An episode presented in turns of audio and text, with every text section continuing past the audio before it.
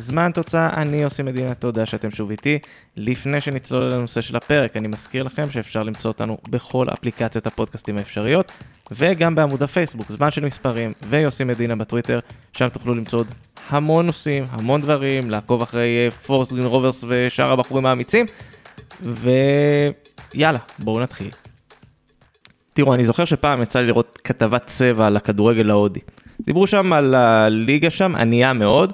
קבוצות יוצאות ממשחק, עולות על אוטובוס שייקח אותן במשך כמה ימים אל המשחק הבא, ואפילו רצה בדיחה כזו, שהכדורגלן ההודי הכי מפורסם, זה בכלל עופר טלקר. ובעשור האחרון קרה משהו בהודו, ליגה חדשה שנפתחה בכל תרוע רמה, אומנם דברים קצת נתקעו, דברים כן הולכים, פחות הולכים. מה, מה מדובר בתכלס? בואו ניכנס פנימה, זה הסיפור של הכדורגל ההודי. בכדורגל ההודי דווקא אגדה אורבנית אחת שקשורה אי שם להעפלה הראשונה והיחידה של הנבחרת למונדיאל 1950. לפי הטענות, הנבחרת פרשה אחרי שפיפ"א לא אישרה לשחקנים לשחק יחפים.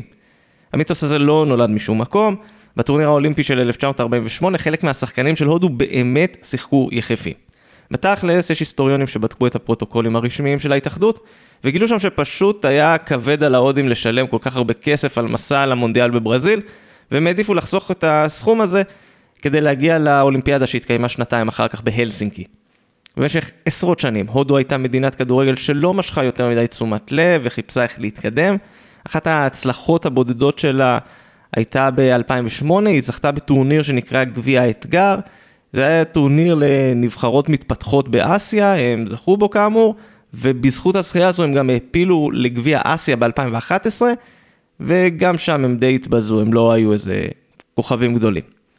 אז איך ההודים מצאו פתרון? הם פשוט לקחו דוגמה מהענף הפופולרי יותר במדינה שלהם, הקריקט, ואני יודע, כנראה אתם לא קהל של קריקט, אז אני אנסה לעשות את ההסבר על הענף הזה בצורה מאוד קצרה. קריקט זה, זה אחד מענפי הספורט הבודדים שנשאר כמעט זהה במשך מאות שנים. הגרסה המקורית שלו זה משחק שנמשך 4-5 ימים, באמת לא הדבר הכי מרתק שתראו בטלוויזיה, וזה ענף שבנוי בצורה מסוימת, ככה שאחרי הארבעה חמישה ימים האלה יכולה להיות תוצאה שנקראת דרו, שאם אני צריך לתרגם אותה לעברית זה אין הכרעה. זה לא תיקו, זה אין הכרעה, כלומר אי אפשר להכריע מי מנצחת. כמו שתחשבו אם ניקח את זה לעולמות של כדורגל, תחשבו שמגיעים לדקה 90, לא משנה מה התוצאה, לא משנה מי מובילה, השופט שורק ואומר, אף אחד לא מנצח, אין תיקו גם. כן, זה קריקט. ברוכים הבאים לעולם המוזר הזה. וככל שעבר הזמן, ניסו בעולם להמציא גרסאות מקוצרות יותר, חלקן נמשכו רק שמונה שעות, אבל בתחילת המילניום הנוכחי מצאו פורמט חדש שקראו לו 2020. למה 2020? כי משחקים שם 20 סיבובים, וזה פורמט מקוצר מאוד. משחק הוא בערך שלוש שעות, הרבה יותר מהיר, הרבה יותר קצבי. עודד את הקבוצות לשחק אטרקטיבי, נועז, עם חבטות למרחקים ארוכים וענישה על מי שמושך זמן. בהודו ראו את הפורמט הזה, אמרו וואלה, מעניין, בואו נקים ליגת קריקט כזו משלנו. הם הקימו ליגה בשם אינדיאן פרמייר ליג בשנת 2008, והליגה הזו הפכה להצלחה מסחררת. כמה מסחררת? יש חברת ייעוץ עסקי שנקראת דלויט, היא כל שנה מפרסמת דוחות על הקבוצות העשירות בעולם והשחקנים עם המשכורות הגבוהות בעולם. ופתאום, יום בהיר אחד, בין הקבוצות מהספורט האמריקאי, פוטבול, בייסבול, NBA, לקבוצות כדורגל אירופיות, פתאום נכנסות קבוצות קריקט.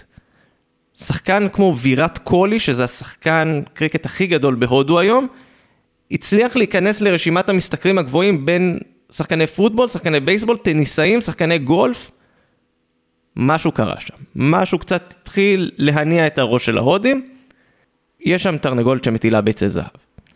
יותר ממיליארד הודים אוהבים קריקט, אבל הם גם אוהבים כדורגל, לא פחות.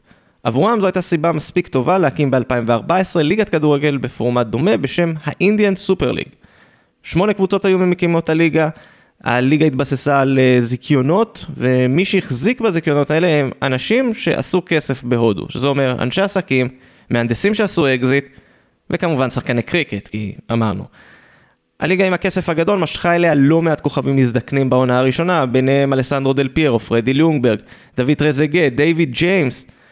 הגמר של העונה הראשונה בין קראלה בלסטרס לאתלטיקו דה קולקטה נערך לעיני 30 אלף צופים במומבאי.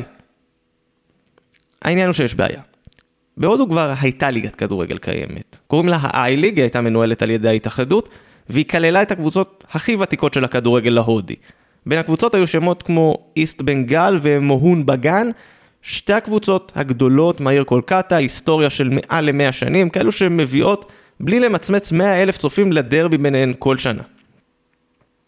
ראינו מה וופא עשתה כשדיברו על סופר ליג בנפרד, בהודו לקחו תשובה קצת מוזרה.